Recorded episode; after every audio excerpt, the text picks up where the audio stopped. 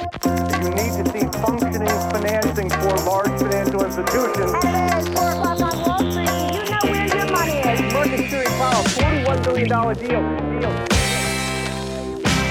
Är det någon bransch som verkligen har gått riktigt, riktigt starkt på börsen det här året så är det inom life science. Vi har medtech, biotech och, och farmabolagen. Det här är ganska svår materia. Det är ingenting jag riktigt kan själv. Jag vaknar inte upp och hoppar upp ur sängen på morgonen och känner ja, eureka moment, jag kan allt om det här. Därför så måste jag helt enkelt ta in en specialist i podden och det har jag också gjort. Jag vet att många är nyfikna på det här. Den här veckan har jag med mig Lars Frick från Börsveckan, aktieskribent och krönikör på tidningen Börsveckan som nyligen vann pris för bästa ekonomijournalist i kategorin läkemedel och healthcare. Ni kan ju förstå varför jag bjöd in han till podden.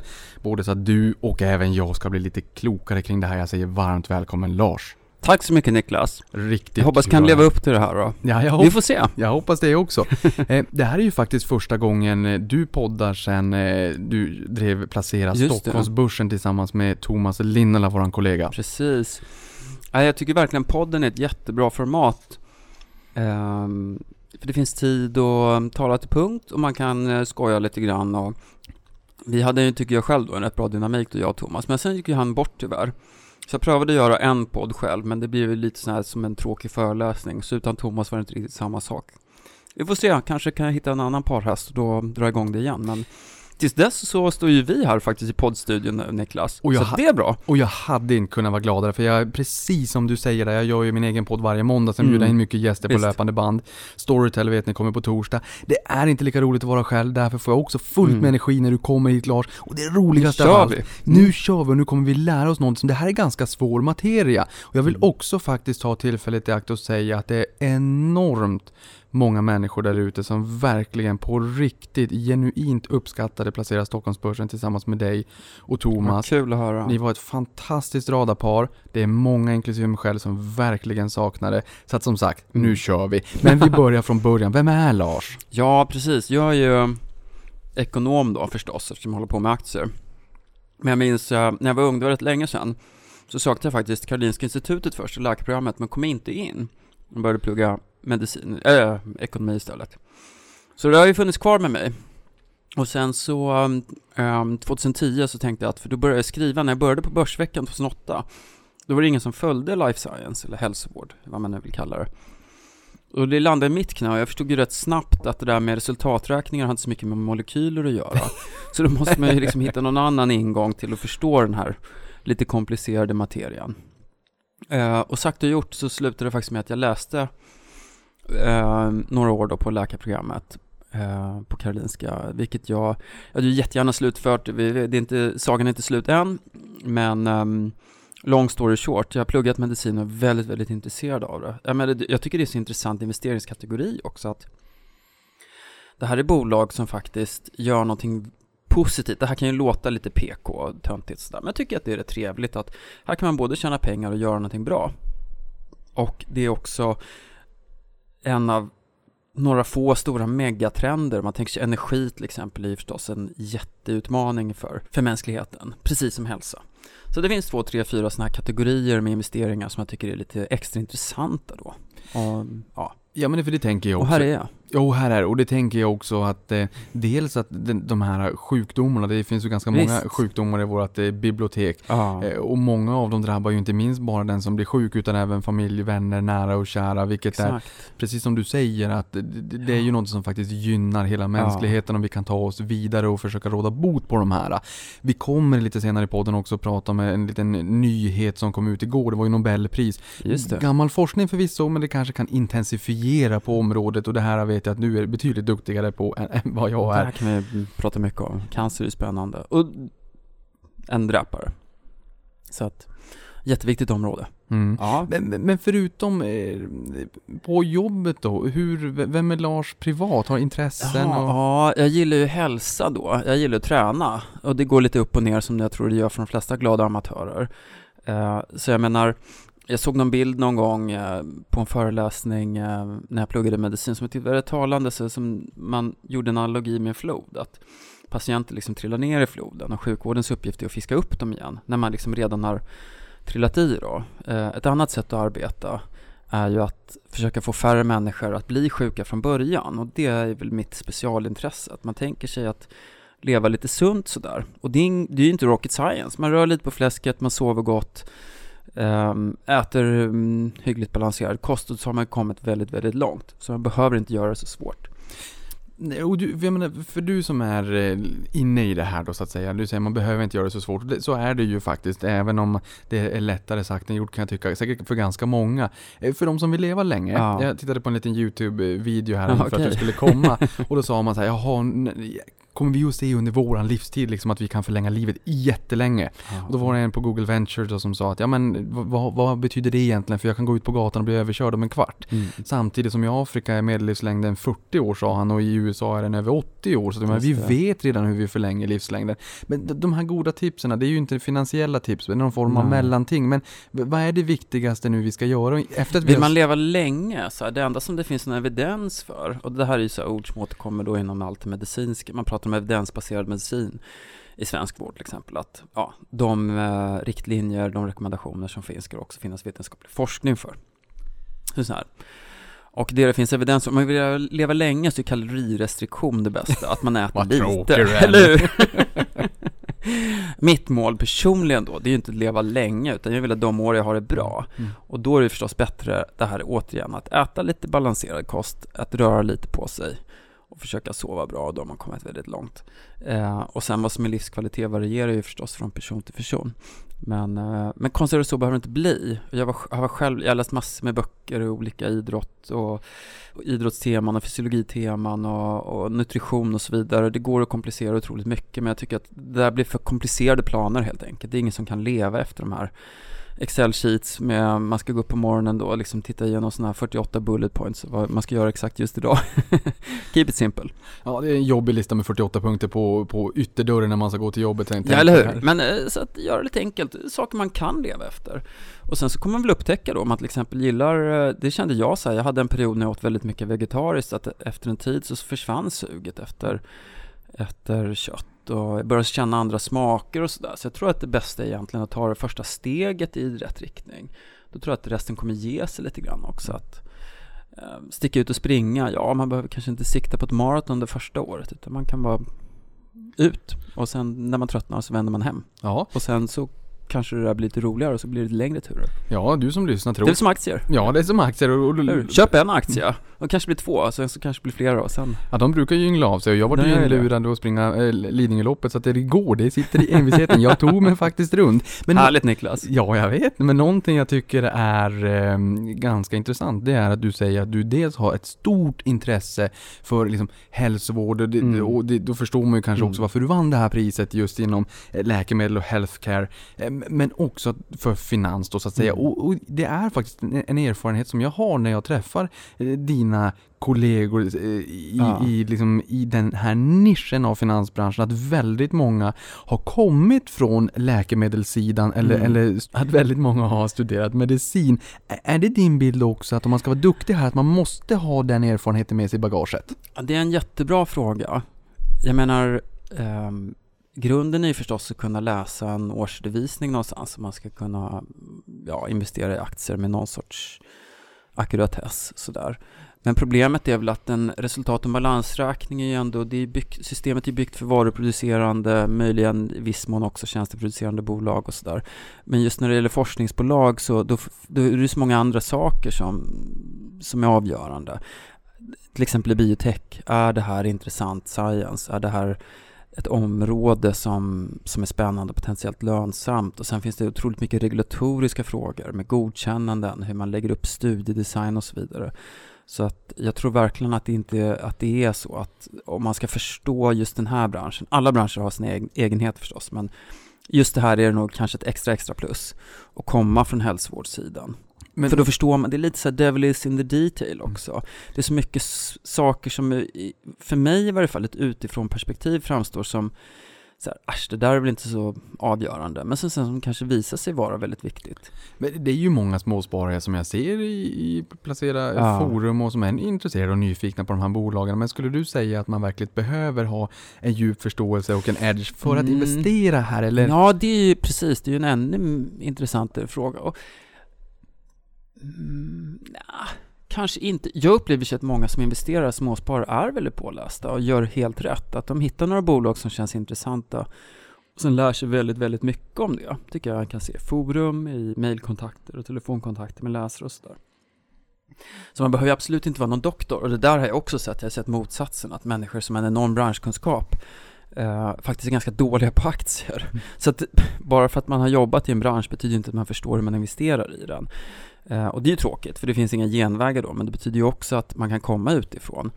Utan då handlar det kanske mer om att man, eh, man får ta några eh, begränsa sig lite, man kanske tittar på färre aktier så man har tid att sätta sig in lite i det. Eh, att man kanske hittar några enkla grundläggande principer. Vi har ju till exempel i, i forskningsbolagen då olika faser av kliniska studier man ska gå igenom och säga att jag investerar inte i fas 1 för det är riskabelt eller tvärtom, jag investerar bara i fas 1 för där finns det jättemycket uppsida och så investerar jag i många aktier istället.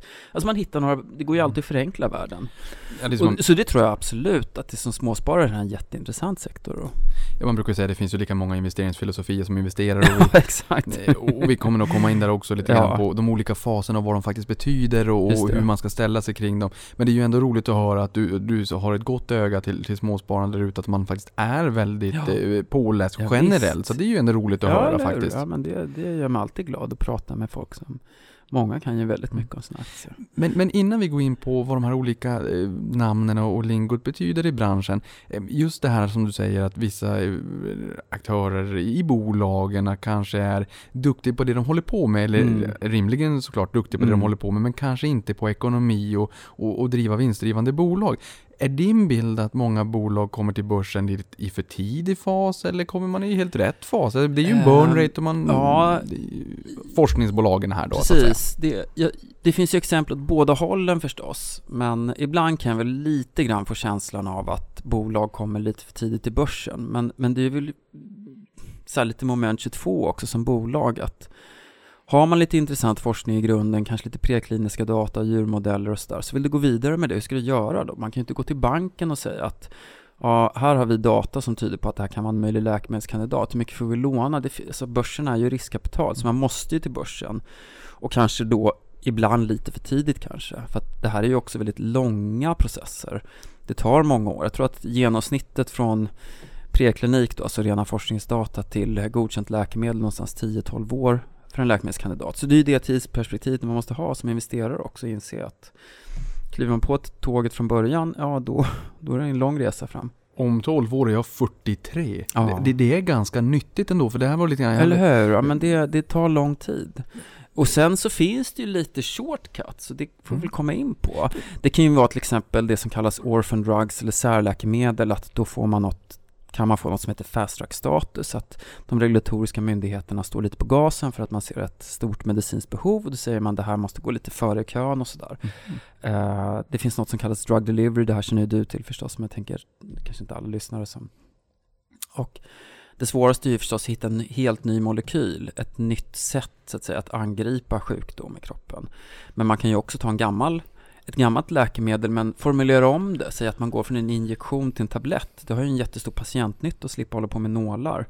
Eller kanske um, från tablett till ett plåster och så vidare. Större doser, mindre doser. Uh, och det går också mycket snabbare. Att, Men, men, men kan vi fastna där lite grann, bara kortare, just det här med en, en ny molekyl kontra Mm. att man tar ett befintligt läkemedel och, och, och substans och modellerar den lite Ja. grann. Eller det här med från spruta till kanske en tablett som man kan ta oralt, vilket Just är mycket det. enklare. Alltså, om, om du någonstans får kategorisera de här, hur, hur stora är de här olika segmenten? Vad är vanligast? Vad är mest spännande? Alltså, Mm. det- jag förstår en molekyl. Alltså det mest, så här, man kan ju tänka sig lite så här, framkanten av vågen är ju att hitta en helt ny molekyl i en ny läkemedelsklass, kanske till och med för en sjukdom där det inte finns några läkemedel. Eh, och det finns en del bolag som arbetar lite grann i de här markerna, där man inte har några vettiga behandlingar idag. Eh, och, och det är ju verkligen pionjärarbete. Ett klassiskt exempel kan ju vara CNS, då, alltså centrala nervsystemet, där där det har visat sig historiskt vara otroligt svårt att få fram nya läkemedel och det är väl för komplext kanske. Eh, men kan man göra något där så blir det ju enorma resultat. Du är ensam om någonting helt nytt. Eh, å andra sidan så är riskerna så att säga proportionerliga och sen så kan man ju bara backa egentligen och det är väl det här kanske en lärdom som jag tycker att man kan ta med sig som privatsparare och sådär att från de här framkantsbolagen som verkligen letar nya läkemedel i, i kategorier som det inte finns några befintliga preparat. Okänd terräng. Det är okänd terräng, ja, precis. De är längst fram. Tillbaka egentligen till rena drug delivery-bolag där man tar kända substanser och formulerar om sådär, som är så att säga en, andra änden riskspektrat. För det är klart, till exempel orphan drugs och särläkemedel, och det definieras som att det finns en ganska liten, jag ska inte kalla det målgrupp då, men patientgrupp.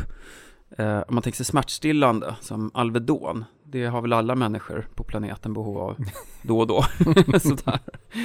Och sen finns det ju väldigt smala sjukdomar, eh, eller smala indikationer. Sådär. Och då, det är inte så många patienter, eh, och då är det inte så intressant för stora läkemedelsbolag att verka i den miljön. Och då öppnar ju det för lite mindre bolag. Och det är intressant då att då kan det gå snabbare eh, och sen lite cyniskt då kanske, men finns det inga konkurrenter så är också prisbilden helt öppen. På gott och ont. Vi har sett en del exempel i USA med bolag som gödslar på och tar så här ohemult mycket betalt för sitt läkemedel. Just eftersom det inte finns några alternativ. Så att det där slår ju lite åt båda hållen då, men i ett kommersiellt perspektiv så är ju ändå det någonting positivt, att du är fri lite grann och sätter en egen prislapp och sådär. Som också kan göra det lite mer intressant. Som... Ja, det extrema exemplet var Mm. väl en person som, eh, du får rätta om jag har fel, kanske inte tog över ett bolag, men det var på något sätt i alla fall och höjde priset jätte, jätte, jättemycket på en gång. Men han åkte ju i fängelse sen. Precis, det um, Bland annat var så här, alla möjliga konstiga turer. Så här, de tog och registrerade preparat som redan var registrerat i, i, eh, i Europa, men registrerade i USA. Registrering betyder att det klassas som nytt, även fast det var ett, ett preparat som hade flera decennier på nacken. Och då kunde man liksom sätta egna priser. Så jag tror att det blev, jag kommer inte ihåg exakt, 8000 procent dyrare än det var i, USA, i, i Europa. Så att det, det finns ju avarter. Och det här har vi också sett, jag tycker det är spännande, du säger att man kan trycka på gasen lite grann om det finns ett visst Mm. behov som får gå före i kön. Det såg Mm. vi i Afrika, vad var det, det. i, var det förra året? eh, När man satte in jätteresurser och bara på no några månader så, så lyckades man lansera ett preparat där för någonting som man har hållit på och tragglat med jättelänge. Ja. Precis, tredje världen är intressant. Vi, vi kommer väl komma in lite grann på geografi då, men, men eh, baksidan är att många sjukdomar, man tar malaria till exempel, det finns väldigt billiga tester, det är ganska relativt enkelt att hantera då, men i och med att det inte finns någon betalningsförmåga så är det ju svårt också för ett läkemedelsbolag som ju ändå är kommersiellt och måste visa resultat för sina ägare och anställda och allt vad det nu är att forska på den typen av sjukdomar. Så väldigt mycket blir ju USA, det är världens största läkemedelsmarknad. Eh, där betalningsviljan är i princip oändlig. Det är ju försäkringssystem och är du väl inne i systemet så ja, då måste de hosta upp. Jag tror om man tittar på hälsovårdskostnader som andel av BNP så ligger USA i topp. Och, eh, undrar om inte Schweiz är högst i Europa, uh, väsentligt lägre och Sverige ligger väl ungefär på hälften. Ehm, Jag kan ha siffrorna fel, men säg att det är runt 7-8% kanske svensk BNP som går till hälsovård. I USA är det väl dubbelt upp då. Ja, för det är där man tänker liksom att USA är eh, världens Mm. största marknad och många i den här nischen pratar ju om FDA och sådär, men det. det som godkänner nya preparat. Men, men eh, näst störst då? Eh, För nu pratar vi Schweiz kanske som andel av, av Just det, de Eh, spenderar ju mest, men det är ja. inte största marknad. Man brukar väl säga så här, USA, Europa, Japan. Ja. Så där har vi liksom eh, trion. Eh, och sen kommer ju någon gång förstås Kina att segla upp. Och det här är, tycker jag också, det finns ju många nyanser Mm. sådär, men om man tänker sig till exempel grundläggande vård. En bra indikation, man vill förstå om ett land är så att säga en viktig marknad eller inte för i ett hälsovårdsperspektiv då, ekonomiskt perspektiv. Eh, så kan man ju titta lite grann på BNP per capita. Grundläggande vård, primärvård, går till vårdcentralen, får plåster och Alvedon och sådär. Det, det klarar man även med så att säga en, en låg BNP per capita. Och sen ju mer specialiserad vården blir, då måste man liksom komma upp som samhälle till en viss nivå för att kunna köpa en linjär accelerator och göra magnetröntgen, att man hittar högspecialiserad vård och avancerad cancervård. Eh, mycket biologiska läkemedel kostar ju miljoner verkligen per patient och sådär. Så att Kina är ju jättestort, men än så länge så är ju kanske så att säga BNP per capita, det är väldigt stora regionala skillnader, så här, lite, lite för låg för den här riktigt avancerade vården. Så Men för- det är på väg. Så det där är, det är därför Japan, Europa, USA är störst, för att där finns det pengar helt enkelt. Det kan man tycka vad man vill om, men det är så det är. Men den som vill då sätta sig ner med en kopp kaffe och kika på trenden och liksom Ja. spekulera för framtiden, att man, man kikar lite på BNP per capita, vart det växer på, vart man tror att det kommer kunna tänkas växa på. Du säger Exakt. Kina, Ja, 1,4 visst. miljarder människor. Indien är ju massor med människor, sen har ju de ännu lägre BNP per capita, Mm. så kanske man inte ska tänka sig att den mest avancerade cancerterapin kommer dit. Men det kan ju finnas andra saker. Alternativt generika också, som ju är um, läkemedel där patent har gått ut. Att Mm. Det växer ju förstås som andel. Generikan Mm. kommer vi också komma in på. Yes. In, innan jag går vidare så vill jag bara ställa en fråga. De här Shoot. molekylerna, substanserna. Ja. Eh, inte molekylerna att man tar fram någonting helt nytt och, och inne på, på okänd terräng, men molekylerna här. Mm. Är det helt fritt för alla aktörer där ute att ta en substans, göra om den här och säga vi har någonting nytt? Eller måste man Mm. vänta tills patenten har gått ut och man kan använda generikan för att komma och säga att nu har vi Precis, något nytt? En, ehm, det är en väldigt intressant fråga. Men det ställer sig lite grann på sin spets här. Vad kan man patentera? När man började att sekvensera människans genom då? Så där, kan man ta patent på det? Man har hittat liksom en gen. Ja, låter... Så här, hur, hur tar man patent på det? Och där blev det ju väldigt mycket tingeltangel då. Det var ju två, ett offentligfinansierat, ett privatfinansierat då. Craig Venter tror han hette, som startade ett eget bolag som började sekvensera det mänskliga genomet. Eh, och då var man väl så finurlig så att man på något vis tog patent på själva processen, att identifiera generna snarare än själva genen i sig. Så att grundprincipen är att det som finns naturligt ska inte gå att patentera. Men sen om du kan göra det syntetiskt, ett exakt likadant protein till exempel, ja, då kan du patentera det. Um, så att eh, det enkla svaret är allt som redan finns att säga naturligt, det är helt bortom alla patent. Men sen finns det ju vägar runt det där. Processpatent eller identifikation eller på något vis hitta att du har gjort någonting lite nytt. Så hela patentgrejen, det kan vi ju podda om bara det separat någon gång. Så man patenterar ofta i olika, man kan se det lite som ringa på vattnet sådär, att först om man har en ny molekyl så patenterar man den, sen kanske man patenterar hur man gör den, sen kanske man patenterar själva användningen, doser och ja, men, sådär. Så man bygger ju ett skydd, liksom murar i flera lager. Och det är en viktig fråga inom den här branschen då, för att utan patent så det är ju sällan dyrt att göra läkemedel. Särskilt de kemiska, det är ju, det är kemiindustri. Har du en, har du en betongblandare så kan du säkert göra Alvedon. Liksom. Mm. Det är bara liksom snurra geggan och sen platta ut i tillräckligt små kronformade doser och sen har du. Men, men just den här integritetsfrågan, Mm. eh, är integritetsfrågan någonting som sätter käppar i hjulen för oss att snabba på forskning och utveckling för att ta fram bättre läkemedel? Mm. Den, den hör man ju Ja, ibland. ibland. Jag vet inte, jag, det är många då, eller många, men jag tycker ofta att man hör kritik mot läkemedelsbranschen att den skulle vara oerhört girig och sådär. Um, och den problematiken handlar nog väldigt mycket om just patenten. Att vi har ett patent, vi måste ta tillbaka, det kostar ju tror jag också en bit över en kanske miljard dollar att ta fram ett helt nytt läkemedel. Återigen, det beror lite på, men give or take. Liksom. Någon miljard får man hosta upp för att få ut en ny tablett på apoteket. Du måste ju liksom Ja. få tillbaka den där kostnaden på något Ja. vis. Så att, Och, och en avans. Exakt, så utan patenttid, man tänker sig att man tog bort patenten, då skulle ju ingen utveckla läkemedel, för det skulle inte vara lönsamt. Så det är ju en dragkamp. Och det här Hur länge ska man hålla på? Ska, fem år, tio år, 17 år? Ja. Men det här är ju en viktig poäng vill jag bara säga här också att eh, det, måste finnas en patenttid för att ge bolagen incitament att både få tillbaka investeringar man har gjort men att Precis. få en hygglig avans för att annars om det då inte finns något incitament då, då missgynnar det ju hela planeten och hela mänskligheten. Exakt, vi vill ju ha nya läkemedel, så det är ju en balansgång och precis, det där är väl en dragkamp som kommer, som har hållit på länge och som kommer fortsätta. Det kommer diskuteras om det ska vara mer eller mindre, men, men visst är det så, det är en bra poäng det här att det finns lite olika intressen. Jag tycker en, en, ett bra historiskt exempel är ju när antiviraler inom HIV kom ut. Normalt ska man ju göra kliniska prövningar och det ska godkännas och data ska analyseras. Det tar ganska lång tid. Men det, dör, det dog ju då när HIV-epidemin började komma där i mitten på 80-talet. Det dog människor. Eh, så hur ska man ställa sig till det? Ja, det slutade då med stora protester och att läkemedelsbolagen fick så att säga, tillstånd att skjutsa ut sina eh, läkemedelskandidater innan all data var analyserad just för att rädda liv. Men det är, ett bra, det är en bra illustration på den här dragkampen å ena sidan då pengar, vetenskap, vederhäftighet och det kliniska behovet. Mm. Eh, Om vi backar bak till, till början här då, just det här lingot som är i... Ja, i mycket lingo. Sorry. Ja, det, ja, nej men det är bra det, så Du länge... drar en anglicism där också. Ursäkta skulle jag kunna säga istället för sorry. Ja, nej, vi, vi gillar så engelska, det är ju ändå engelska i finansbranschen. Ja, det är ju det. Eh, Men bolag då, eller lingot som man hör, det är ju medtech och det är Mm. biotech och det är pharma och sen säger man big pharma. Ja. Kan du hjälpa oss att reda ut de här begreppen? Absolut. Ehm, jag, menar, jag pratar om life science och hälsovård lite synonymt, så att det är samma sak. Men saker som har med hälsa att göra. Och de tre grundläggande kategorierna, det är ju det som de flesta kanske tänker på först då, läkemedel. Eh, och det är lite processindustri kan man väl säga, att man producerar läkemedel och många, sedan ett antal år egentligen, de stora läkemedelsbolagen är ju också marknadsföringsorganisationer. Du har en stor distribution, du måste ju nå ut till läkarna och sådär. Så det är också en väldigt viktig del av så att säga, läkemedelsindustrin som man kanske inte tänker på, att det ska också säljas någonstans.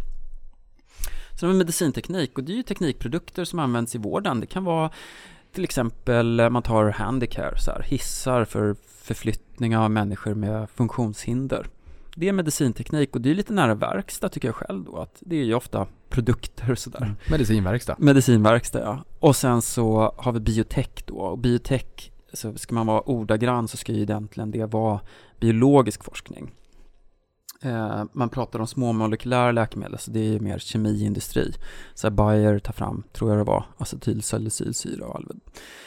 Eh, Medan biotech, det är ett protein då. Alltså det är, ett, det är på något vis ett biologiskt läkemedel. Men vi brukar säga lite svänget sådär att biotech är mer forskningsbolag lite oavsett vad de forskar på. Så att forskningsbolagen tar fram läkemedel som läkemedelsindustrin sen säljer.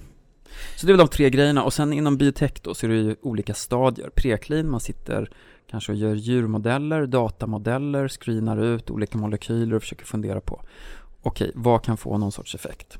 Och sen när man väl hittat en bra kandidat, då ska man ju börja göra försök på människor och då ska det gå igenom några olika steg. Och då är det rätt enkelt egentligen. Ju tidigare man går på en sån här kandidat, desto större potentiell uppsida, men desto mindre chans att det lyckas. Så får man välja. Så här. Prekliniska data, det är ju ofta bara djurmodeller, så det är kanske ja, en på hundra att det blir ett läkemedel. Eh, köper man ett forskningsbolag som har fas 3-kandidater, ja, då har de bevisat att de både är säkra och har effekt. Så då handlar det lite mer om kanske finjusteringar då, doser, man går upp stort antal försökspersoner för att se om man får lite negativa effekter. Vissa biverkningar kan ju vara väldigt ovanliga till exempel, så man måste testa många patienter då för att hitta dem. Och det kallas ofta ibland också så post-market, att när ett läkemedel väl har släppts, så efter några år eller en viss tid kan man analysera data igen och se om det dyker upp någon leverpåverkan eller hjärtpåverkan så där, när en miljon patienter har använt det. Men vad händer om det då gör det? Alltså när man har fått Då får man dra tillbaka det. då blir det ju en ekonomisk Ja. smäll då. Så att eh, risken eh, försvinner ju inte riktigt bara om det är så att man nu Nej, kommersialiserar. exakt. Det är ganska ovanligt. Tack och lov då, så fungerar ju ändå de här registreringsfaserna väldigt bra. FDA då som det heter i USA, EMEA, eller EMA, förlåt mig, i Europa, eh, respektive läkemedelsverk då. De, de har ju väldigt rigorösa modeller. Ehm, så att det är ovanligt, nu har jag glömt bort vad det heter bara för det, eh, förlåt, jag börjar få lite demens tror jag. Sorry Niklas, men det, det finns ett så här känt, jag tror att det var någon, ett hjärtläkemedel som eh, efter, mm, det var Merck eller Pfizer lanserat och det liksom gavs till miljoner människor. Och sen så var det försäkringsbolag då, de har ju väldigt bra data som börjar upptäcka att hej wait a minute, nu börjar vi se ett mönster här. Att en del av de här patienterna som tar det här läkemedel också får hjärtpåverkan. Och så slutar det med att det fick dras tillbaka. Och det var en blockbuster, alltså Ah, läkemedel som skulle sälja för över en miljard dollar. Um, Det enda, att- det namnet jag får upp i skallen det är GlaxoSmithKline, men jag har ingen GSK, aning om vad, ja. ingen aning om varför jag säger det. ingen aning. Det är säkert flera av lyssnarna här som vet exakt vad vi pratar om, så vi får se lite på kommentarerna efteråt, så kan de knäppa oss på näsan här Niklas. Jag vet i alla fall definitivt inte vad jag pratar om. så det är något som är helt säkert. Men du, de här faserna då, eh, preklinisk Ja. och, och så, vi, vi pratade precis om preklinisk och fas 3. Just 1 och det. 2 då, innan man kommer in i den här fas Precis, men, och det är egentligen så rätt logiskt. Alltså det är mycket svåra ord i, i, i, hälsovårdsbranschen, men, men det är inte så komplicerat. Eller så här, det är jättekomplicerat, men man, behöver, man kan förenkla det. Det första förstås man måste göra om man har ett nytt läkemedel, det är ju att testa så här. Eh, är det säkert? Kan man ge det till en människa utan att det händer massa dåliga saker? Och så ska man hitta dos. Så här, hur mycket kan vi ge? Så det är liksom det första man börjar testa då så här. Kan vi ge det här till människor, ja och nej? Och det är lite grann fas 1 kan man säga då.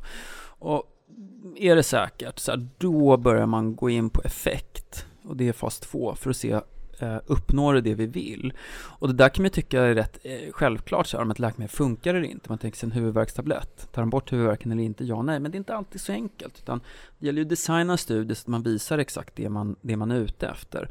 I synnerhet inom Eh, segment i läkemedelsbranschen där det finns många existerande läkemedel. Det kan handla om att man måste visa att man är bättre än det som finns eller att man är lika bra men med färre biverkningar och så vidare. Och då gör man en studie och det kallas då eh, eh primära då, liksom, eh, endpoints. Så här, vad är det vi vill uppnå? Det är fas 2, det har effekt. Och sen när man har sett det, fas 3, då, det är mer, då gör man en mycket, mycket större studie. Då fångar man in ovanliga händelser. Det kan ju vara så här, säg att du testar i fas 2 100 patienter, det skulle vara en ganska stor fas 2-studie då.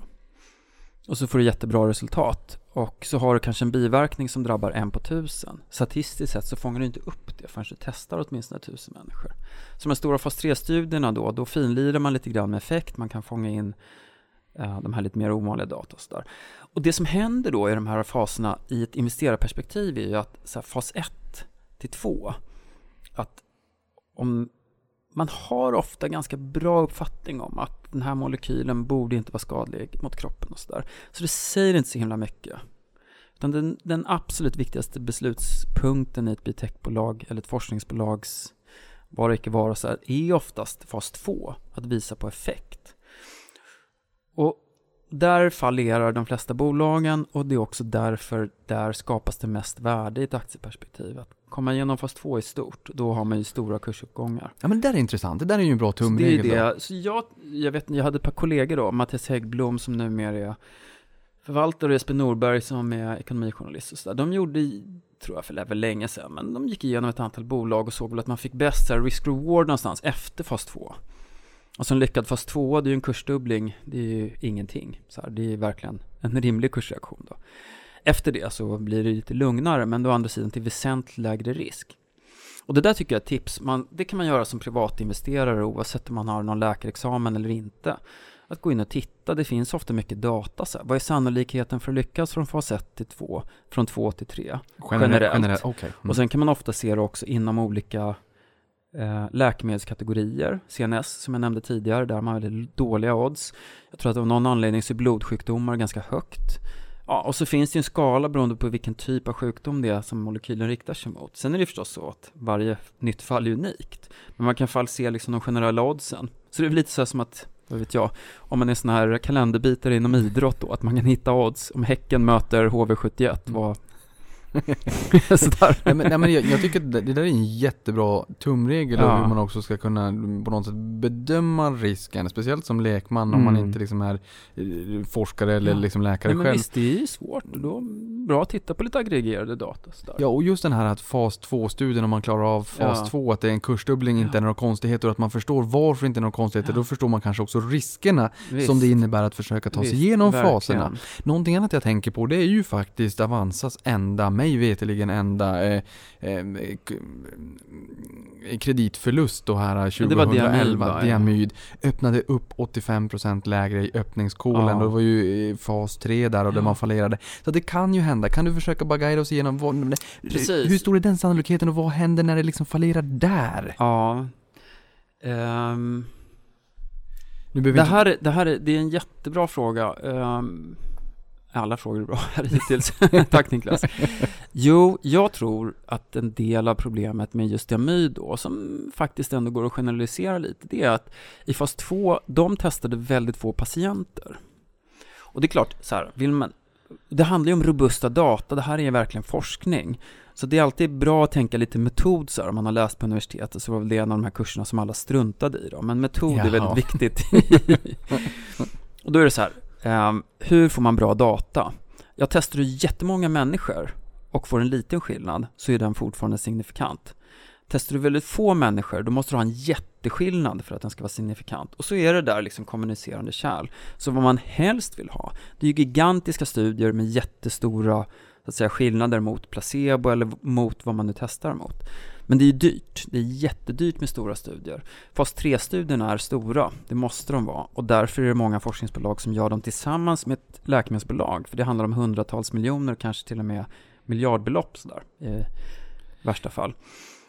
Och i diamyd då, jag undrar om det inte var 16 patienter, om det var så 8 i kontrollben, 8 i så att säga med effekt. Uh, och då fick man lovande resultat och sen så i fas 3 så försvann den där effekten när man testar på flera patienter. Just den här risken som du säger är eh, dels att det det är klinisk fas Ja. 3, eller fas 3, jag vet inte ens om det heter Just det. klinisk. Ja men det är klinisk fas. Preklinik är egentligen bara så att testa på människor. Det är Jo. ett svårt ord. Så fas 1, 2, 3, alla tre kliniska? Alla tre kliniska. Mm. Och sen är det inte kliniskt så heter man säger preklinik, före klinik. Och då är det djur eller datamodeller eller kemimodeller sådär. Ja men det är rimligt, det förstår till Mm. och med jag nu. Numera. Ja, nu, Nu- numera. Exakt. Polletten trillar ner. I och med att den är stor Ja, och i och med att man då går ihop med ett farmabolag, säg. visst. Är det här första steget till att man sen faktiskt säljer bolaget till farmabolaget för att de sen ska distribuera? Hur vanligt är det att man säger att nu har vi gjort vår, nu får någon annan Ja. ta över och värdeskapande Jag tror att bolag? det är väl egentligen det vanligaste. För att eh, man måste, det blir så här skomakare blir en läst. Eh, som jag nämnde tidigare, farmabolag handlar ju väldigt mycket om att sälja. De här forskningsbolagen är ofta väldigt små. Det kan handla om kanske färre än tio anställda. Som alla är forskare så har man outsourcat produktion och tester och vad det nu kan vara. Så det är ju supersmarta människor som gillar att forska. Eh, och det är ju liksom en annan verksamheten att sälja något. Då ska man ut och dänga portfölj hos läkare på vårdcentraler, specialistsjukhus eller vad det nu är man, man, man ska göra, kommersialisera. Så det är väldigt vanligt att antingen så säljer man, bolaget blir uppköpt eller så säljer man sin kandidat. Alternativt man gör ingått partnerskap och då säger man så här att forskningsbolaget eh, Frick Andersson licensierar ut vår tablett då till 5% royalty för närmaste 20 åren i USA, Europa och Japan. Mm. Um, och det där, så det där kommersiella strategin, det är nästa grej då. Först måste du hitta en vettig molekyl att jobba med. Och så får du effekt. Och då ska man ju också vara lite street smart och liksom få, en, få ett bra avtal. Och som aktieägare är den delen väldigt intressant då. För det är ju det som gör så att säga aktieägarvärde i slutändan. Men hur, hur, ehm, hur gör man för att borga aktieägarvärden när de här människorna i bolagen är extremt duktiga på det de håller på Mm. med, men kanske inte liksom den finansiella biten alltid Ja. kanske? Jag tror ofta många bolag så här i början så är det ju mest forskare. Liksom lite sköna propellerhuvuden så här, som älskar labbet. Och sen kommer man, kom man en bit så får man rekrytera in då Mm. kanske någon som har jobbat i farmaindustrin eller läkemedelsindustrin. Så det där tycker jag att med alla bolag är ju ledningen jätteviktig, men man kan ju titta på vilka som sitter i ett bolag också. Finns det någon som har kommersiell erfarenhet? Som har jobbat tio år på AstraZeneca eller på Glaxo eller vad det nu är, Pfizer. Det här tycker jag är spännande, för jag menar, Mm. jag gillar ju pilotskolan och jag Mm. gillar ju liksom att det är riktigt duktiga, värdeskapande personer där ute i vår lilla finansankedamm i Sverige som man vill ta rygg på. Här när du säger att man forskar i många, många år, sen kanske man säljer bort den här babyn om man så Mm. säger, och att de ska gå tillbaka och forska på någonting helt nytt. Mm. Finns det vissa personer som är riktigt duktiga? Serieentreprenörer och sådär. Ja, som har bra track record. Ja du, jag vågar faktiskt inte riktigt svara på det. Jag menar, ta, gå tillbaka till Diamyd igen. De hade ju ändå ett vägskäl där när man hade då det här bakslaget för några år sedan. Att då kan man ju säga att vi löser upp bolaget och delar ut tillgångarna, för de hade en stor nettokassa, så det fanns ju ändå pengar kvar i. Och så här. De har ju valt att forska vidare då. Så jag tror de flesta har ett starka incitament, att man gillar sin grej och vill köra på så länge det går. Så det är inte, ja, några som har lyckats, jag kan faktiskt inte dra något på rak arm så här, som har varit duktiga på att kommersialisera och gå vidare. Men går det att säga, för att nå- någonting de här bolagen kommer göra, det är ju liksom, Mm. du har ju en, en burn rate i bolagen och det Mm. ligger ju i sakens natur. Om man då forskar, att man liksom bränner pengar, för det, man forskar ju så det Visst. kostar ju pengar. Visst. Och så gör man nyemission på nyemission på nyemission och förhoppningsvis Mm. så får man väl ett kommersiellt genombrott och då kan vi få en jätteuppsida. Eh, Klinisk fas 2 till, Mm. till 3, alltså när man går förbi 2, ingen konstigt Bra att du nämner det här med nyemissioner, Mm. för det tycker jag verkligen innan vi glömmer bort och in offensiv och defensiv. Förklara för oss Ja. också hur man ska riktigt tolka offensiv, defensiv. Eh, Lars, Ja. kör på. Okej. Det där hade jag inte helt glömt bort, men det är en jätteviktig poäng också att eh, om man tänker sig ett bolag som har preklin fas 1 kanske och 100 miljoner i kassan och så här. Pengarna brukar ju räcka en viss tid och det brukar man alltid kunna läsa i delårsrapporten. Här är bolagets bedömning att det räcker för att ta oss till punkten X, Y eller Z. Men, men om man investerar i tidig forskning ska man ju som investerare också räkna med att det blir ett antal nyemissioner. För för varje sån här beslutssteg, fas 1, 2, 3, så betyder det ju ofta att man måste ta in mera pengar för att finansiera nästa studie. Så om man tycker ett bolag är värt X så måste man ju också räkna med att man blir utspädd några gånger. Så det var bra att du tog upp det. Ehm, och då tycker jag så här, offensiva och defensiva emissioner, alltså i, nästan i, när det gäller forskningsbolag så är de ju nästan alltid offensiva eftersom det, det handlar om att kunna ta nästa steg i, i forskningen. Så att um, det man kanske ska vara varse, det är ju när det blir um, förseningar, uh, när det liksom planerna inte riktigt går i lås och sådär. Uh, för man har inte så mycket att gå på, det tycker jag både så att jag gillar ju hälsovård, men den tråkiga aspekten av de här bolagen är att mellan datapunkterna, så, mellan att man får fas 1 och fas 2 data, så finns det inte så mycket att se. Även de här bolagen som du och jag mest tittar på, då, rörelsedrivande bolag som säljer en manick eller vad det nu kan vara, då kan man ju se kvartalsresultat. Marginalen går upp eller ner, försäljningen, tillväxttakten ökar eller minskar. Man ser trender hela tiden. Men här är det ju massa binära beslutspunkter. Gick det bra? Ja, nej. Och då går man till nästa steg. Går det bra i fas 2? Ja, nej. Och sen går det bra i fas 3? Ja, nej. Så det, det, här med att man kan inte liksom komma nära målet men, i forskningsvärlden, utan det är antingen eller. Men, men hur håller man huvudet kallt? Menar, man kan ju få en känsla av hur, även om jag nu går in på en lokal hm butik i Stockholm, ja. det säger ju inte jättemycket. Stockholm, eller Sverige är ju H&M's sjätte viktigaste Precis. marknad, men det säger men, någonting. Exakt, man får någon känsla så här. Ja. Men här, produkterna bra ut? Nej, det, man får väl titta på, och då tror jag att det här att titta lite mer kanske runt omkring då. Eh, cancer till exempel, kommer vi säkert komma tillbaka till, är ju ett eh, jätteviktigt terapiområde. Eh, det är en sjukdom som är tyvärr då alldeles för vanlig och eh, i takt med att med globala populationen blir äldre så blir det ju också fler cancerpatienter då tyvärr. Eh, å andra sidan är det det område som man satsar så att säga, oproportionerligt mest på. Om man tittar på antalet här, statistiska dödsfall och hur många kronor, så här, forskningskronor då, som går till olika områden så är väl cancer det bäst finansierade området och geriatrik är det sämst finansierade området. Så det är stenhård konkurrens. Så återigen då, då kan man kanske gå lite till sannolikheter och titta så här. Men vad är oddset att lyckas inom den här genren? Um, Hur långt har vi kommit inom cancer? Ja du, det, det, det, det har gjorts några riktigt, riktigt stora genombrott. Jag tycker eh, immunonkologi är väl så här, heter skivat bröd just nu. Många som pratar om att man på något vis ska aktivera immunsystemet, som ju också Nobelpriset faktiskt åtminstone delvis handlar om. Det fick vi besked om igår till och med. Igår var det, mm. precis. Um, Berätta lite mer, vad, dels Ja, för att cancer, det här, för de som är liksom lite initierade kommer det här låta superplatt och tråkigt, men om vi utgår från och inte är experter mm. då, Eh, när man började forska inom, inom cancervård så var ju den heliga graalen så att vi ska hitta botemedlet mot cancer. Nu så ser man att cancer är inte en, det, man kan ju säga att det är 200 sjukdomar. För det finns så många typer eh, och alla har sina egen, olika egenheter. Så det kommer inte finnas någon sån här att man hittar ett svärd och hugga, ta Alexanderhugget där och hugga turen går i knuten, utan vägen in det är att liksom jobba på flera spår. Och det som jag tycker är lite spännande med cancerforskningen nu, att man hittar så att säga flera vägar in eh, och ofta ger man ju patienter en blandning då. För cancern har massa olika egenskaper som gör den så farlig, men som också är så att säga, potentiella svagheter. Den växer ohämmat. Eh, den kan dra till sig och skapa nya blodkärl så att den hela tiden får näring. Eh, den, är, den kan gömma sig för immunsystemet så att immunsystemet inte angriper dem. Eh, så att den har massa hyss för sig som gör den farlig. Men varje sån här egenskap kan man också försöka kontra lite. Eh, till exempel celldelning, så här, det är en liten cykel då, så här, som har olika checkpoints och då har man hittat, det är samma med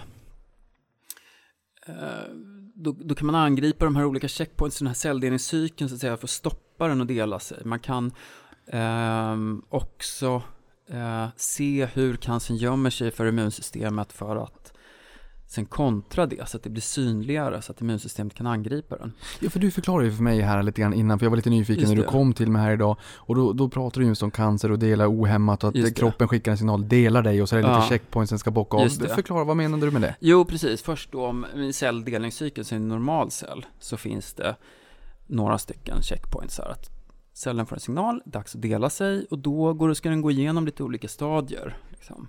Är det dags? Uh, har, DNA intakt? Och så tickas de här av då. Och där finns det ju också bromsar i systemet. Som, nu har du delat en gång, det räcker. Ja, just Två gånger. Ja.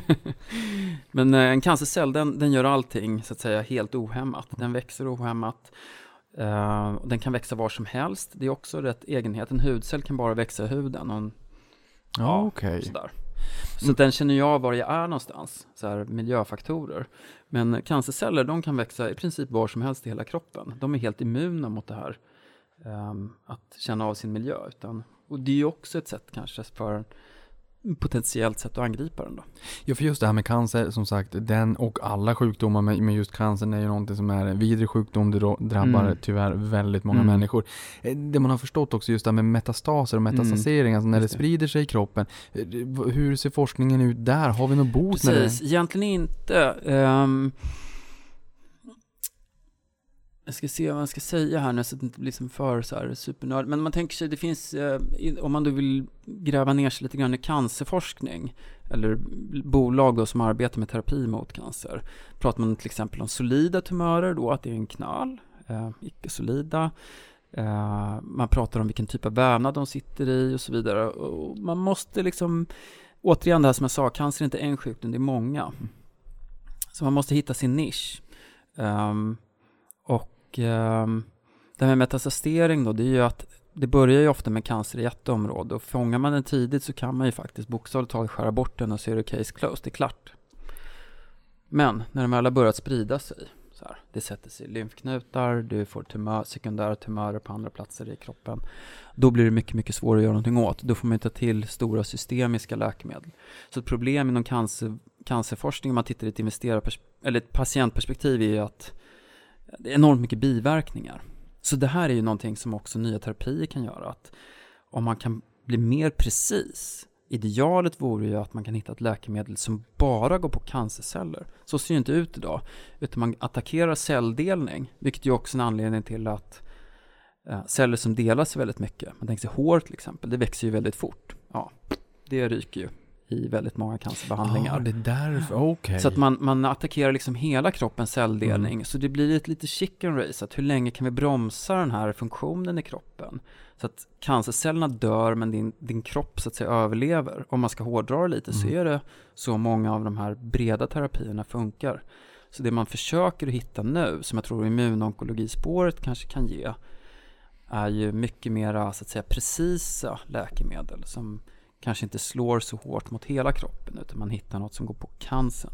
Så det är alltså med det Nobelpriset vi fick igår då i immunonkologi, att det liksom försöker adressera det här helt och hållet och inte bara chicken racet mot kroppen. Ja, precis. Det är ett steg i den riktningen i alla fall. Då. Ja, för, för, hur påverkar det här? Vad, vad betyder det här för, för, för forskningen? eh, Just att Nobelpriset då eh, gavs ut just till det här området igår. Och vad finns det för bolag i den här nischen? Det finns många bolag som är verksamma inom... Ja, men det, är, det är tips. Om man går in på svenska Stockholmsbörsen så kan man hitta ett gäng bolag som jobbar med cancer. Eh, som jag sa tidigare, det här är ju ett av de mest bäst finansierade områdena. Ehm, potentiellt sett också intressantast, men jag tycker ju själva konkurrensbilden är väldigt, väldigt svår här. Min personliga favorit om man ska generalisera, det är väl att Drug delivery till exempel, det är inte lika stora potentiella vinster, men det är å andra sidan en mycket lägre risk. Det är intressant. Särläkemedel som många forskar på. Eh, men ta Sobi som ett bra framgångsexempel. Namnet så här, Swedish Orphan, alltså orphan drugs i särläkemedel. Visar ju dess historia då. Nu har det blivit ett väldigt stort bolag och som kanske kommer bli bredare. Men... Och cancer är också, i och med att det redan finns många mediciner så är det, det är väldigt svårt. Man måste visa bättre effekt än det som redan finns. Eh, så att det är ganska tufft. Immunonkologi, det är ju liksom en helt ny genre av forskningsbolag, vilket gör dem jätteintressanta. Men då blir ett annat problem, för mig i varje fall, som ju inte är en expert på onkologi, att så här, vilken väg ska vi välja? Vi var ju inne på det tidigare, det finns många vägar in mot cancern. Vilken av de här vägarna kommer bära frukt? Vilken är den så att säga bästa vägen? Och det vet inte jag. Och det tror jag är väldigt få som vet. Så att immunonkologifältet som för investerare, där tycker jag själv att utmaningen är att det är så heterogent. Det är en väldigt splittrad bild, det är väldigt ungt, så att det blir lite grann sån här wild stab in the dark, att man får chansa, det här låter bra. Och så får man rida det spåret. Så som investerare kanske jag skulle rekommendera att man väljer flera bolag då, Mm. aktier i genren. Vi- Vilken, vi- vilken, vilket område är hetast just nu bland börsbolagen så att säga att forska på? Ja, men det kanske är hetast. Det kanske är immunonkologi. Och sen är ju i och för sig särläkemedel då, det är många, för det är tyvärr inte så himla svår slutsats att komma till att, att särläkemedel har väldigt bra risk-reward, vilket också har betytt att konkurrensen där har ökat. Det blir fler och fler bolag. Det är de här väldigt nischade Precis, nischade Mm. indikationer och kanske inte så många patienter och sådär. Mm. Eh, men men det, där är väl också konkurrensen rätt hård.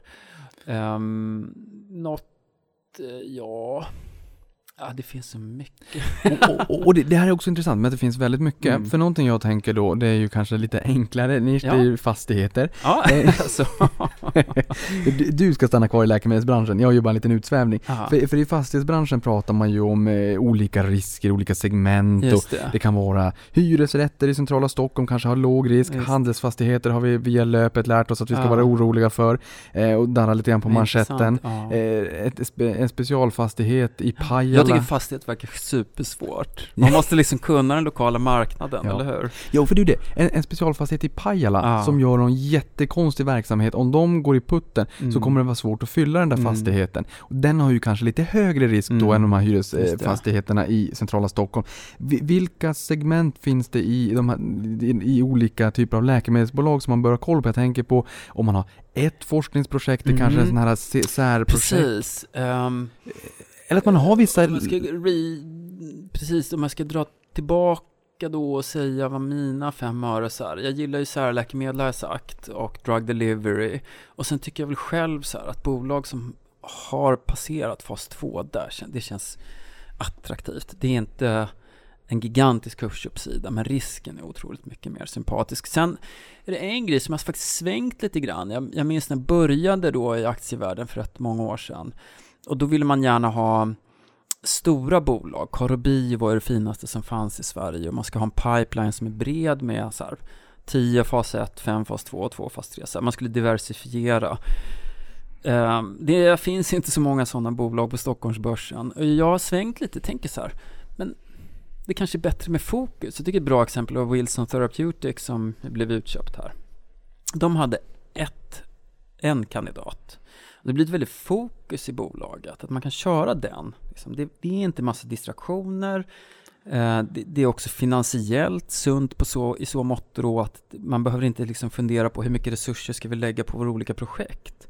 Det kan tänka mig om man jobbar i ett forskningsbolag som har en bred forskningspipeline att det hela tiden är så här, ska vi lägga mera pengar på projekt A eller mer på, projekt B? Och det blir lite intern konkurrens. Lite intern politik. Visst. Vi- Utan fokus. För att jag menar, som investerare, det är väl som Miller Modigliani så här, ska ett bolag vara belånat eller inte? Det blir lite akademiskt nu kanske, men man kan ju tänka sig att man som investerare kan man ju alltid replikera vilken belåning som helst genom att belåna sin portfölj. På samma sätt, ja men okej, vill jag äga en aktie som har tio läkemedelskandidater eller tio aktier med så att säga varsin? Och jag lutar väl nu mer åt senare. Jag tycker att många av de spä- mest spännande bolagen har kanske en eller två kandidater, sen that's it. Ja men det där tycker jag är jätteintressant för jag menar 70-80-talet Sverige, då var det Ja. konglomeraternas tid, Volvo ägde Kalles Kaviar. Ja, exakt.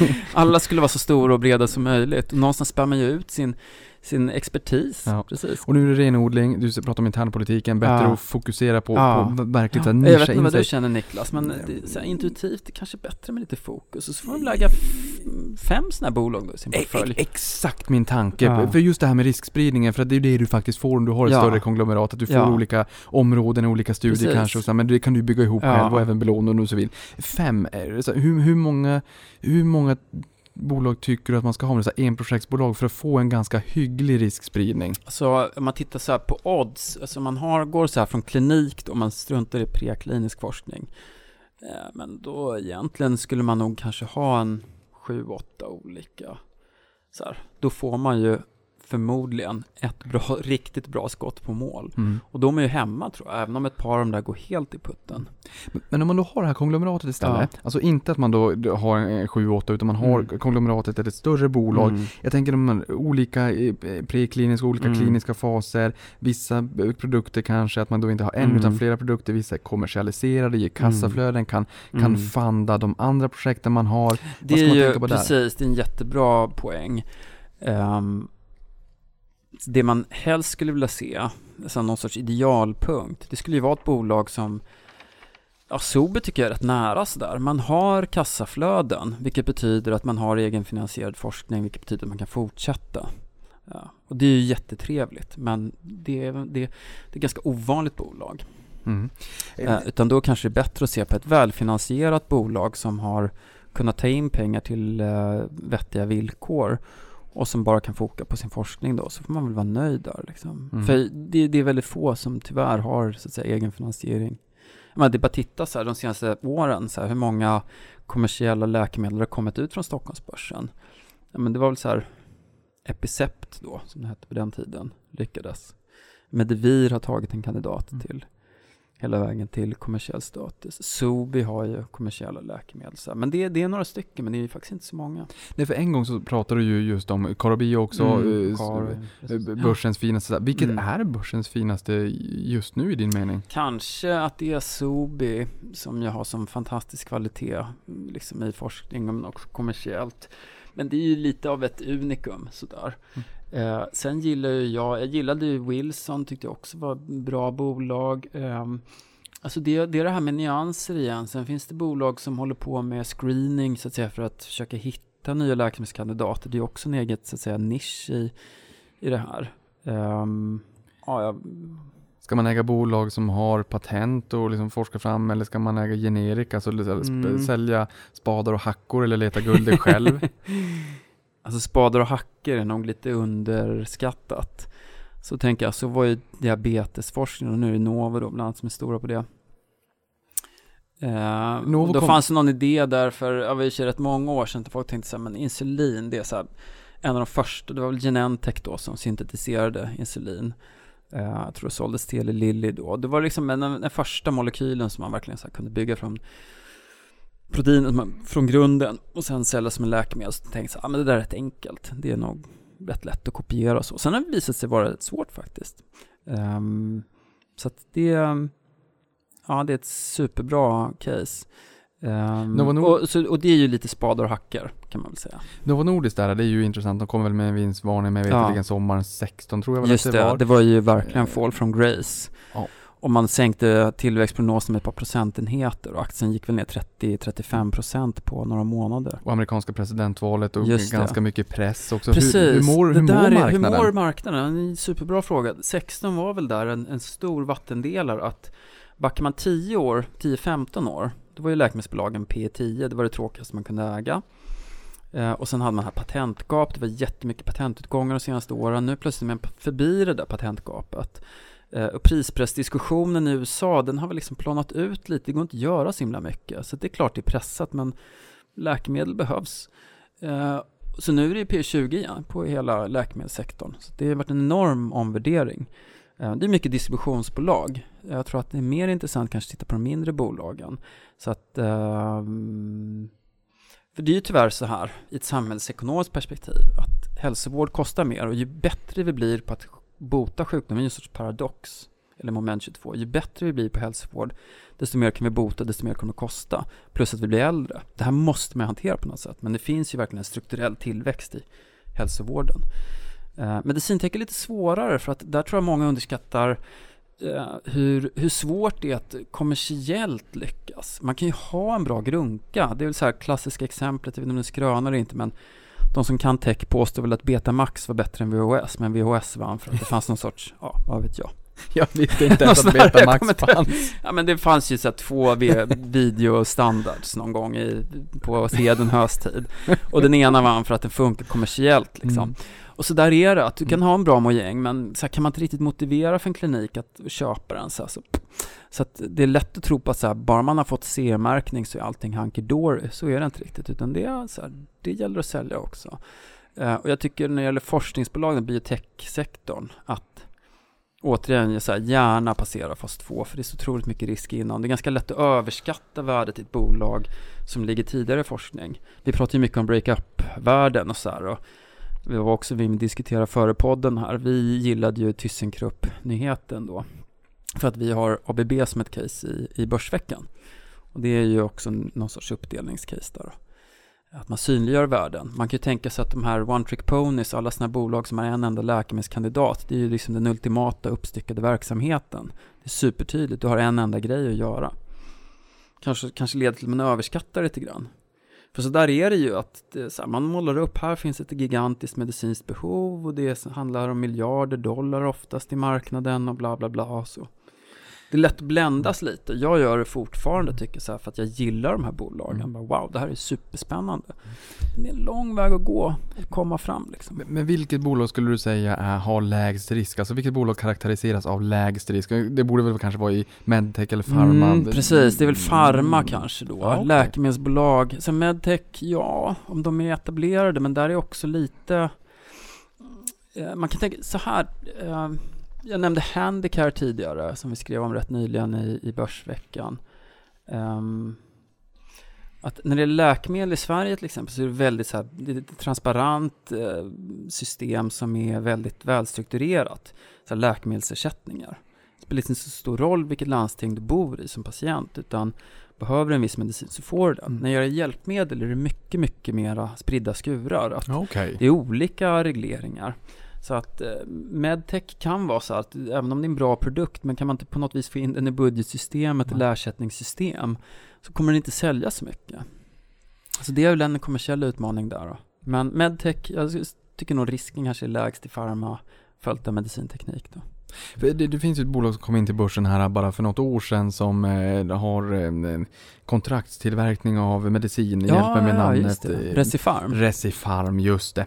Eh, det där, är- är det ett klassiskt eh, case Ja, på, där, det där både är risk och intressant. potential kanske är lite lägre? Ja, det är precis, jättebra exempel. Så för kontraktstillverkning, så där är ju utmaningen att det är ganska svårt att göra läkemedel. Det måste ju vara samma mängd. Står det 400 milligram acetylsalicylsyra så ska det ju vara 400 plus minus väldigt lite i varje tablett. Mm. Så det är inte så himla lätt att göra det sådär.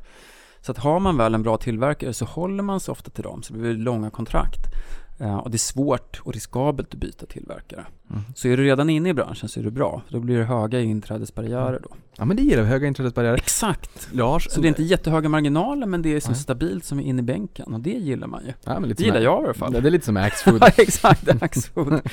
Eh, Lars, eh, i år 2018 så på Stockholmsbörsen så 9 av 12 kursdubblare i år tillhör Life Science. Eh, bolag som BioArctic, Oa, Ja. Oasmia, Cantargia, Active Biotech, Sobi, Mober Pharma, Immunovia, Cellavision som Mm. du har som favorit. Mm. Eh, Oncopeptides, Onco alla de är här, bra. de har fördubblats. Alltså varför Visst. har de så mycket medvind just nu? Ja, ja du. ehm, jag kanske, ja, jag kan jag kanske till och med så att jag förmodligen har fel, men, men vi får se. Um, alltså när jag tänker på börsen, så jag gillar ju aktier och så tycker jag att det är roligt om det går upp, för då kan man liksom fortsätta köpa aktier och sådär. Men det känns ju lite stretchat nu. Det är så här väldigt svag Europa, konjunktursignaler, värderingen är ganska hög, på rätt höga estimat, så det finns lite orosmoln då. Men om man vill hitta bolag med hygglig potential som är att säga, hyggligt konjunkturokänsliga så är ju hälsovård väldigt bra. För det drivs ju liksom andra processer, framförallt forskningsbolagen, där är det ju så här framgång, ja, nej. Eh, och även läkemedel, även om det är prispress i USA och så, så, så är det fortfarande väldigt stabilt. Så att det har ju blivit både så här paradoxalt nog kanske att defensiva aktier är heta. Jag vet inte vad du känner, men så här Axfood, Swedish Match, många klassiskt defensiva bolag har ju gått väldigt bra också. Så det, det är väl det som får läkemedel att gå bra. Sen forskningsbolagen, det är väl att, tror jag, att dels att de är enormt ocykliska och att, man, eh, att det är lite medvind för sektorn. Man har sett en del intressanta saker. Oncopeptides gick ju väldigt starkt efter Wilson-budet till exempel. Så man ser att här finns det transaktionspotential. Och, Ja men det är just det jag tänker också, att Ja. dels att det blir en liten spillover-effekt, Ja. men sen också att om man nu tror att konjunkturen dansar på sista versen, att man är Visst. ny, intresserad lite grann för det här, för vi har ju sett både i USA, alltså runt Ja, 26,5% av S&P 500 och Nasdaq var tidigare tech, nu har man gjort om branscher, sektorindelningen lite grann. Men man har också sett en, eh, en klassisk sektorrotation Ja. från tech till healthcare Ja. i USA i precis, somras. visst. Och vi har även sett det i Ja. Stockholm. Huruvida det är ett bett på konjunkturen eller ett bett på att, det, det, vet jag Ja. inte, men, men vi ser ju trenden. Mm, intressant. Ja men visst. Alltså, Och jag menar, jag vet inte vad du tycker Niklas, men är det ändå lite så här att tech och biotech då. så här, det är lite samma sak, att eh, det handlar mer så här, är du framgångsrik med din produkt du kan lansera så kommer du tjäna gasiljoner. Uh, och det är inte så konjunkturberoende, utan det handlar mycket med bolag specifikt. Tror vi på den här ledningen, tror vi på produkten, ja och nej. Liksom. Mm. Jag tror det ligger... Då känns det ju väldigt analogt sådär, om Ja. det är ett forskningsbolag eller ett teknikbolag. Jag tycker det ligger, mycket i det att ta amerikanska techbolagen. De, är ju Ja. inte liksom, de har inte de absolut största balansomslutningarna i termer av eh, anläggningstillgångar. Det är, liksom inte, det är inte något hangarfartyg de har Nej, där. det är sant. Och Precis, de- det är IP och det är know-how och sådär. Ja, så de missgynnas ju inte heller av ett stigande ränteklimat, vilket är Nej. intressant, utan kanske snarare politiska risker. Ja. Eh, Du, du hoppade till där när jag sa Oncopeptides Ja. och vart alldeles lyrisk och glad liksom, kände det här är ett bra bolag. Vilka är dina favoriter? Ja du, eh, jag håller på och skriver lite grann om lite olika life science-bolag, så nu gäller det att hålla tungan rätt i mun då. Eh, utan får jag göra en sån här fegisgrej då, bara Mm. passa och säga så här, hänvisa till Börsveckan? Politikersvar. Ja visst, Ja, nej, men det, det får du absolut göra, för det är nämligen så här att du är nog förmodligen den absolut enklaste gästen att intervjua någonsin, för vi har fyra A4-sidor med frågor vi har hunnit igenom nästan en. så att jag, jag tar någon Ska annan. vi ta en, en raincheck då Niklas? Fan vi har tråkat ut, så här, alla våra lyssnare sitter och sover nu, så här, fulsnarkar och dreglar lite på axeln. Nej det tror jag verkligen inte, jag tycker det här är superintressant, vi lär oss jättemycket, både jag och lyssnarna. Eh, men någonting annat som det snackas om väldigt mycket, Ja. artificial intelligence, Ja. eh, big data, Ja. Eh, Vi, ser Apple kommer med produkter som, som ska hjälpa till och vi, Mm. vi ser Sectra digitalisera Mm. liksom, röntgenbilder och Mm. hur, hur mycket AI Bilder är är, det i? jätteintressant. Men, bi- bildgivande undersökningar, där händer det hela tiden. Det är massa teknikutveckling som är schysst. Och robotkirurgi ska vi säga. Och robotkirurgi, och då kan man plötsligt kanske göra operationer på distans.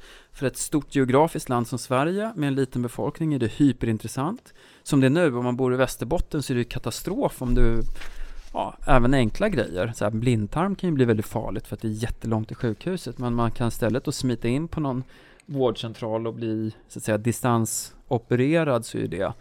Och bilder förstås, jätteenkelt in, ta bilder som skickas centralt till någon som kanske bara ser vänster armbåge tusen gånger om dagen, som blir superexpert på det. Alltså det finns någon sorts skalfördel. Eh, och big data kommer också in på något som, eh, sån här buzzword, med så här individualiserad medicin. Och det kan ju också exakt, bli någonting. exakt, nanoteknologi Ja. och individualisering. Jag måste bara säga Man tar ett genetiskt avtryck, ja men Lars Frick, så för att alla människor svarar ju lite olika. Mm. Nu kanske jag är ute på så här supertunn is, Nej men innan du går vidare, Ja. för det här vill jag bara säga att jag har hört det här på ett seminarium och att vi kanske går ifrån stora blockbusters som Mm, Losec eller vad det kan tänkas vara. För man säger Lars Frick, du Mm. behöver precis just det här anpassat efter dig, det blir inga, i, i, inga dåliga bieffekter, Mm. men det innebär ju mindre serier, inga Mm. blockbusters. Mm. Hur, hur påverkar nanoteknologi och att man går in och ändrar egenskaper anpassat precis just efter dig, den kan ju trenden? bli jätteintressant. Jag såg en siffra att jag tror att nu blir det här, så här hur man definierar ja, läkemedel och verkningsmekanismer och allting. Men att det är ju en fraktion av en procent. Om man tar samtliga idag registrerade läkemedel så har man ju bara liksom skrapat på ytan av alla så att säga, potentiella mekanismer som man så att säga, kan påverka i kroppen. Biologi är ju komplext på så vis att det är så många interaktioner. Det är visst inte raketforskning och så här knepiga formler, men det är väldigt många proteiner, det är väldigt många, alltså det, det är bara mycket av allt. Eh, och så generellt kan man nog säga att de, även bra läkemedel idag, är hyggligt trubbiga i så mått att ja, men det är one size fits nobody. Ta två Alvedon så funkar det förmodligen. Liksom. Det kanske räcker med en för mig, du kanske behöver tre då. Eh, Men det blir lite sådär.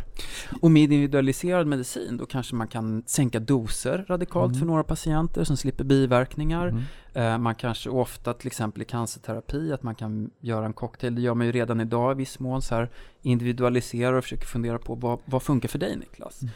Och det är ju verkligen ett jättespännande fält. Det ligger en bit bort i tiden, men tänk när vi kommer dit. Vi Mm. kan få bättre terapi med färre biverkningar. Det är ju det är precis det man vill ha. Ja, och kanske också det man vill ha som en liten exponering i portföljen. Jag vet även Ja. Intuitive Surgical är ju ett Just det, bolag i ja. USA, de har Da Vinci, de är Ja. ganska dyra maskinerna. Men då, precis som du pratade om blindtarmen här, det är ett, det, då blir det ett standardingrepp och sen är du borta bara några timmar senare istället för att ligga någon eller några dagar kanske. Nu, nu kan jag vara ute och cykla men det här är det jag har fått förklarat för mig. På Twitter är det ju fantastiskt. Ja. Kan man gå och fråga så här, har jag någon läkare som följare? Och det har varit en jättelång följetong just kring det här och Da Vinci och Intuitive Ja. Surgical har Ja. ju gått väldigt bra. Mm. Så just det här också med att, att snabbt få ut patienterna och liksom kunna öka upp bäddplatserna. Precis. Men och det, där, återhämtningen. det finns, det här är några år, men jag läste en bok om ehm, hur man ska på något vis försöka organisera om sjukvården. Man, det var, tycker jag var bra analogi. Då, då liknar man ett, ta ett akutsjukhus som Danderyds sjukhus där jag var kandidat. Så här, det ska kunna ta emot allt. Alla patienter, var den har, allt från huvudvärk till hjärtinfarkt ska, ska Danderyd kunna ta hand om. Så lite som att gå till skräddaren. Du får precis den vård du behöver. Men det blir också, så säga, ursäkta uttrycket, men lite ineffektivt. Därför att man vet inte vad som kommer in, så man måste vara redo på allt. Och man kan bryta ut vissa diagnoser. Ja. Ehm, och göra mer löpande band av det. Och då var ett exempel, det finns en, en, eh, en klinik i USA som är specialiserad på brock och det är det enda de gör. Eh, och där kan man åka dit och det är väldigt elegant och lite tjusigt och man har lite återhämtning. och Så, men de gör det, bara det ingreppet så blir de väldigt duktiga på det. Så det blir kortare rehab för patienterna och trots att det är bättre vård så blir den billigare för att allt är liksom strömlinjeformat för det. Mm. Så det där förhoppningen är väl att man kanske kan bryta ut fler diagnoser. Mm. Jag menar, skräddarsjukhuset kommer alltid behövas, kommer alltid Mm. behövas en akutmottagning. Men kanske att det är så att det går att organisera om vård Mm. på något vis, att man kan få ut. Då är ju sådana här initiativ som intuitivt är jättespännande. Nu är det ju så här att jag, eh, ni vet ju som lyssnar på mig att jag inte är less is more utan jag är more is more. Men nu More är vi more. en timme och tio minuter in så att Holy fuck. Oj, förlåt, får man säga så i radio? Nej, det får man inte. det är inte live, men vi bjuder på den. För, för det här, om vi tänker så här att vi, vi tar riktigt snabba svar på de här frågorna. Ja. Jag gillar inte det, men vi måste för jag vill, Ja. inte, jag vill inte stryka Ja, vissa precis. frågor. Ja, men då, då ska det bli ja nej här nu. Okej, nu, okej. nu byter vi tempo. Kinas medelklass, eller Kina har 1,4 miljarder människor, Yes. de kommande 10 åren så säger man att de kommer växa medelklassen med ett helt USA. Du Hur är potentialen där? Vitrolife, man slopar enbarnspolitiken, nu får man ha två i princip. Vitrolife Mm. är intressant. Jag Mm. tror också ett bolag som Elekta, där är precis den typen av aktier så här att den, den sortens vård kostar mycket per patient så man måste ha BNP per capita. Mm. Så där kan det bli väldigt, väldigt tydligt take-off liksom. Mm. Megatrender, vi blir äldre och äldre, diabetes, hörapparater med Ja. William Demant William exempelvis. Demant, närmare. jätteintressant. Finns det några andra spännande långsiktiga trendcase? Eh, alltså jag, jag tjatar ju om så insulin, så nu ska jag inte nämna det här danska bolaget som har så här allitteration i namnet då. Men det finns ju andra bolag som är verksamma inom, som är stora på insulin till exempel. Så jag gillar ju danskarna, men det finns mer. För det tyvärr, men övervikt är ju en jättegrej. Ehm, och sen eh, vissa typer av hjälpmedel. Det kan ju säga Svenska Handicare, just nu går det lite så halvknackigt, men också man tänker sig långsiktigt. Så vad är det gamla människor behöver? Ja, det är så här, titta på hemmet, ta bort trösklar, hissar till liksom eh, övervåningen. Ja, så att Mm. åldrande, övervikt. Um, har du något mer? Men också här med- Cancer tyvärr är ju också i viss mån en ålderssjukdom Mm. faktiskt. Det är väldigt få unga som har det, utan det är ju... B- b- patent eller generika, vad ska man gener, på? alltså om man nu ska prata så tillväxtmarknader, eh, som Kina, Indien eh, och så vidare. Där, där är generika jätteintressant. Det finns ju en del bolag som är stora på generika, inte Stockholmsbörsen då, då får man titta lite bredare. Mm. För att det är ju förstås förstahandsvalet för dem. Billig Mm. medicin istället för dyr medicin. Mm. Vad är det som gör att du fastnar för ett bolag och slutligen trycker på köpknappen? Ehm, jag, jag, om det finns bra science i botten, liksom, att det, det är så här starka studieresultat, det är jättekul för biotech. Medtech, då vill jag, där har jag gjort fler, fel massor med gånger, men jag börjar lära mig. Och det är att inte underskatta de kommersiella svårigheterna. Den ser man att den här är en maskin som fyller en tydlig nytta liksom, för personen som ska använda den. Det är så här, förenklare. Okej, Mm. om du vore doktor Niklas och så kommer någon och säger så här, hej, vi har en maskin som kommer hjälpa dig med diagnostik av någonting, maligna melanom eller vad det nu kan vara. Så här, känner du att okej, den här kommer göra så att ditt jobb blir lättare? Ja, är det liksom det som gör att patienterna får det bättre eller att de åker ut från sjukhuset Absolut, det snabbare? måste eller ju- kostnader eller vad är det de går igång måste, på? ehm, antingen eh, till exempel diagnostik som jag nämnde, så här, då ska man bli bättre på att ställa sin Mm. diagnos. Men ehm, det, det måste vara bättre för patienten i grund och botten. Och sen måste du på något vis kunna använda den på ett vettigt sätt. Mm. Vad är det enklaste att säga? Liksom, vad är det du kikar på om du känner att ett bolag är undervärderat? Vad är det vanligaste skälet till att det är undervärderat? Ehm, jag tror till exempel i biotech, det kan vara brist på tålamod. Att, ehm, för det går ganska lång tid mellan så här, data kommer. Eh, och då blir det väldigt, så då blir, de blir så himla känsliga. En del blir snackisar och blir övervärderade och andra blir bortglömda och så bara går kursen kraftgånga den. Mm. Ehm, Nå- f- ja, Någonting du vill skicka med lyssnaren, några klassiska fällor du vill att de ska undvika? Ja, alltså jag, någonting som jag själv brottas med, som jag tror de flesta investerare i, i hälsovård brottas med, det är ju att, framförallt i de här forskningsbolagen då. För när man läser om data så är det så lätt att bländas av sån här grundläggande informationen. Det här är en miljardmarknad, det finns ett stort kliniskt behov, bla bla bla. Och så läser man det här och tänker i alla fall jag så här, jäklar vad bra, hoppas det här går vägen och går det här vägen kan det bli hur bra som helst. Jag menar, det är jättesvårt och man kan snubbla på så tusen många olika sätt. Så att, att liksom försöka ha lite is i magen och inte ryckas med för mycket när man läser om det där. Och som sagt, jag brottas med det där hela tiden. Mm. Vi har lågränteklimat just nu. Ja. Hur påverkar det här liksom billig finansiering och, och prislappen vid uppköp, förvärv? Alltså, ja, vi, det driver ju upp lite grann. Så att om man hittar ma så kandidater P20, där sa du nyss. Så. Precis. Då, för det är ju lätt att, att förvärva och då är det lätt att betala mycket också. Men P20, då vill det du är se ju till att det är de vinst. Ja visst, PMD P20. Men man tänker sig igen de här med, vi pratar, kallar det lite nedlåtande kanske, men med glimten i ögat för one trick ponies, Mm. bolag som bara har en kandidat. Så det ökar ju risken, men det gör ju också att det är mycket lättare för ett utköpande bolag. Om du vill förvärva något, så här. Det var som någon som förklarade eh, investmentbolagsrabatt för mig någon gång. Lars, det är som att gå in på Dressman så har du en skjorta och en slips i, i ett paket. Du kanske inte gillar slipsen så här, hur mycket du vill betala. Man måste ju ha en viss rabatt för att liksom köpa paketet då. Lite så är det väl också med en portfölj med läkemedelskandidater. Men har du ett bolag så är det Mm. jätteenkelt att köpa Mm. ut. Och det talar ju lite för de här som kanske Mm. har en väldigt tydlig forskningsprofil. Ja, Jag tänker just godispåsen så lakritsen som jag då inte gillar. Men det, det Exakt. kanske säger mer om mig. Man ska inte äta så mycket godis, man ska ut och träna istället. Eh, Du kan ge den till mig Niklas, jag gillar lakrits och plocka bort de andra grejerna. ja men exakt, då har vi synergier. Du och jag borde Exakt, slå vilken oss ihop. synergi! Vi måste ju liksom dela på godispåsarna. Men Vi har haft ett val alldeles precis och det har varit mycket debatt. Skola, vård, omsorg. Behöver man vara orolig kring den politiska Jag risken, vinster i tror inte välfärden? det. Eh, Men omsorgsbolagen är ju tjänstebolag. Det handlar om människor som ska hjälpa andra människor. Och och det är fine. Men det betyder att det finns inte så mycket skalfördelar eh, och det är ganska låg produktivitet då i liksom en strikt ekonomisk betydelse. Eh, Sådär. Man kan inte köpa en maskin och göra dubbelt så mycket arbete och så. Och de här bolagen, det tycker jag är intressant, man tittar både omsorgsbolagen och utbildningsbolagen har ju pressats av löneinflation. Ehm, Så att det är en brist på läkare, sjuksköterskor, lärare. Det kostar att rekrytera dem och samtidigt kan du inte ta ut det liksom mot kund. Så att den här sektorn tror jag har mycket mera, så att säga, så vi kallar det operationella problem Mm. än politiska. För egentligen så här, hur ska man backa? Jag tror att, eh, jag kan ha helt fel, men jag tror att utbildningsbolagen är mycket riskablare i ett politiskt perspektiv. För där är det lättare att se om man kan prata, oh John Bauer, Konka, det här får absolut inte hända igen, det måste regleras, och så blir det synligt.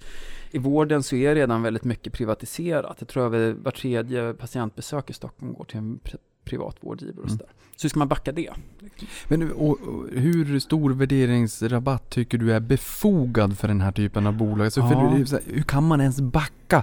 Det borde ju tala Nej, för att man ska få upp, eller Ja. minska rabatten Jag tror lite grann. också, utan precis det som kan hända är väl möjligtvis att, så här, inte att man kommer förbjuda eller ta bort privatisering av vården, men möjligen då att man reglerar det hårdare. Uh, ungefär som man pratar om att det ska finnas vinsttak, sådär. Nu var det rätt tandlöst, för det verkar som att, i varje fall inom utbildningssektorn, så är avkastningen på eget kapital redan lägre så att säga än det här kravet då, men Du, sist men inte minst, PE20, Ja. det kräver ju, eller som då många bolag är uppe i nu, ja, det kräver ju att man har en vinst för att kunna räkna på P talet om, om man har burn raten och inte vinsten och snarare får försöka Exakt. bilda sin uppfattning om framtiden, hur gör man då? Mm. Finns det någon nyckel man kan titta på då? Ja, grund, eh, så här, det, det som är det vanligaste, då pratar man in, i forskningsbolagen så här. Säg att du lyckas. Så här, vad händer då? Ja, peak sales. Eh, för då brukar det ofta gå till så att när du lanserar en ny ett nytt läkemedel på marknaden, att det tar ett eller två år och så når du liksom en hög omsättning för att man måste liksom penetrera och börja sälja så här, rent praktiskt. Så säg att du har peak sales på en miljard. Hur länge kan du sälja det? Där har man patentsituationen, konkurrenssituationen. Ja, så kanske man kommer fram till att man kan hålla den nivån i tre år och sen kommer det tona ner kanske för att ett annat bolag, ett liknande preparat så att säga, som kommer komma ett par år senare till marknaden. Så då har du en maxomsättning och en tid som du kan sälja. Så får man en liten kurva. Det är din totala försäljning för läkemedlet. Och så får man multiplicera det med sannolikheten för att lyckas då. Det är så man brukar göra då. Och nu är det, det är jättekänsligt. Du måste anta en maxförsäljning, du måste anta en där är Medivir ett bra exempel. De kom ju in, ut inom hepatit med ett jättebra läkemedel. Tyvärr då, i Medivirs perspektiv, så kom en amerikansk konkurrent, om jag inte missminner mig, med ett preparat som låg några månader bakom Medivir. Så att de hade liksom ett halvår med fantastisk försäljning då, och sen sjönk det väldigt fort igen. Um, så det är liksom, det är alltid, det blir en uppskattning, men någonstans här, hur mycket kan man sälja för? Hur länge? Och sen, var någonstans i den här forskningscykeln är man, fas 1, 2, 3? Lars, min manliga intuition säger mig att eh, du rimligtvis bör komma tillbaka. är det för att du står och trampar och så här och ser lite kissnödig ut som gör att du tänker att det kanske är dags att runda av nu? ja men det, det är nog dags att runda av. Jag vill bara säga till, till dig som har lyssnat ända hit, riktigt, riktigt bra jobbat. Jag hoppas att du har fått lära dig en hel del kring det här. Jag tycker att det har varit fantastiskt trevligt och intressant och vill bara tacka dig Lars. Stort tack för att ja, du kom tack, tillbaka. Tack Niklas för att jag fick komma och Ja, förhoppningsvis kan du göra lite underverk i klippningsbordet så inte jag, jag blir så långrandig Jag tänker inte klippa en sekund, det här har varit magi. High five! Stort tack! Tack!